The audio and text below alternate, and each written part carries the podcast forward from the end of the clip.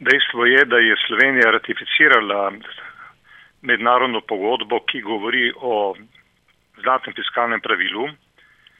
Dejstvo je, da v tej pogodbi, iz te pogodbe ne izhaja obveza, da moramo to pravilo vnesti prav v ustavo, lahko tudi v kakšen drug pravni predpis in mnoge evropske države, ki so že odreagirale na to zahtevo te pogodbe, vnašajo to pravilo v zakonodajo, ne pa v, v ustavo.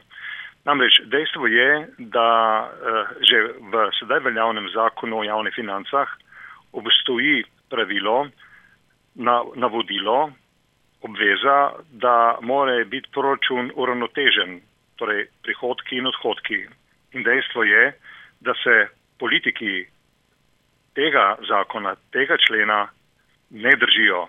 Oni kršijo to pravilo. Eh, tako da eh, politiki morajo predvsem upoštevati eh, zakonodajo, ne pa prenašati nekatere obveze v ustavo, eh, zlasti zlato fiskalno pravilo ne, kajti potrebno je vedeti, da mi zagotovo v letu 2015 ne bomo dosegli vseh obvez, ki izhajajo iz tega pravila in se bo zgodilo tisto, kar se zelo pogosto dogaja, da mi te nesrečni ali pa srečni Evropi nekaj obljubimo, evropskim institucijam, govorim seveda o obljubah politikov, potem se pa tega ne držimo. In iz tega naslova prihaja cel kup problemov, ki se vračajo nazaj, kot ti gospodi iz Brisla, zahtevajo, da tisto, kar rečejo naši politiki, kar zapišejo, kar sprejmemo, to tudi uveljavljamo. Tem trenutku politiki govorijo, da je to potrebno zaradi eh, nedvomnih signalov in sporočil evropskim institucijam. To, da po našem drdem prepričanju so potrebna posebno drugačna sporočila eh, in ta niso odvisna od fiskalnega zlatega pravila. Potrebno je storiti marsikaj pri nas, tukaj v Sloveniji, potrebno je eh, stvariti proces, ki bo prenašal gospodarsko rast, ki bo odpiral nova delovna mesta. Proces, ker bomo tudi kot država pokazali, da smo učinkoviti pri odpravljanju problemov podjetij, ki so državna last in bank, eh, ki so državna last. Ta sporočila potrebuje Evropa, predvsem pa ljudje, ki tukaj živimo. Ne pa okoli tega zlatega fiskalnega pravila delati in, in v bistvu Eh, prenašati, eh, zamegliti bistvo problemov. Če pa se že pogovarjamo o zlatem fiskalnem pravilu, potem Slovenija najmanj tako potrebuje zlato socialno pravilo. Ne. Namreč, da bi unesel v ustavo, da recimo več kot 5% v Sloveniji ne sme biti brezposobnih. Ko seveda to rečem, vem, da žal to ni realno, ampak zagotovo tudi ne, ni realno ne, pričakovati v dveh letih da bomo povsem uravnotežili javne finance. To ni realno in zato je potrebno pri teh obljubah, ki se tako hitro širijo proti Evropi, upoštevati realno stanje pri nas. Namreč to fiskalno zlato pravilo vnaša uh, s seboj uh, neke cilje, ki so kratkoročno nemogo, da, nemogoče, da bi dosegli, ne da bi ponovno drastično znižali spet socialne pravice, posegali v pokojninski sistem, v, v, v pravice brezposelnih in še kaj. Skratka, za tega smo proti temu, ker preprosto v ustavo ta materija ne sodi. Bo preveč zlorab tudi strani politikov. No, prej, ko ste govorili o prihodkih in odhodkih iz proračuna, zdaj me zanimata dve stvari. Vi verjetno zagovarjate to, da se na račun socialne države država zadolžuje, da pač vzdržuje ta minimalni ekonomski standard ljudi. Druga stvar me pa še zanima.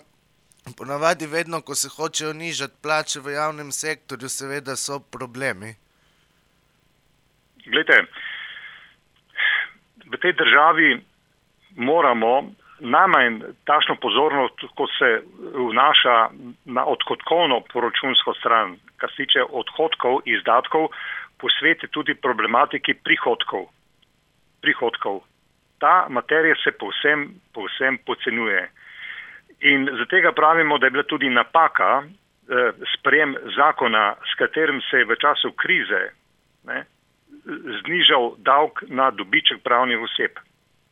To je tudi po mnenju nekaterih ekonomistov zagotovo napaka. Prav v času krize, ko se želi uravnotežiti javne finance, je napaka zniž, zniževati prilive v proračun in iz tega naslova je na leto približno 100 milijonov manj prilivov.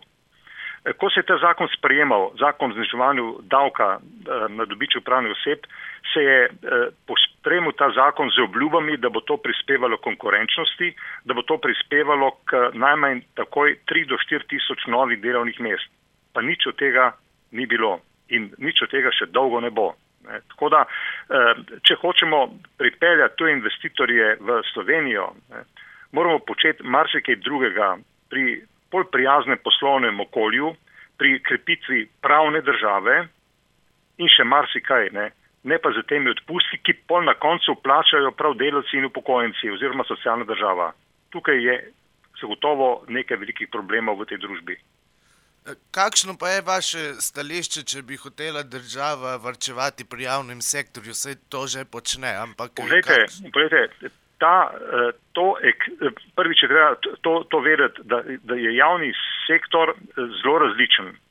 Potrebno je vedeti, da tudi do sedaj je marsikaj že šlo na ta račun eh, in pri delovcih, delovkah, ki so zaposleni v javnem sektorju. Bilo je tudi kar dosti odpuščan ne, in, in še marsikaj. Ampak podarjamo, ne, podarjamo.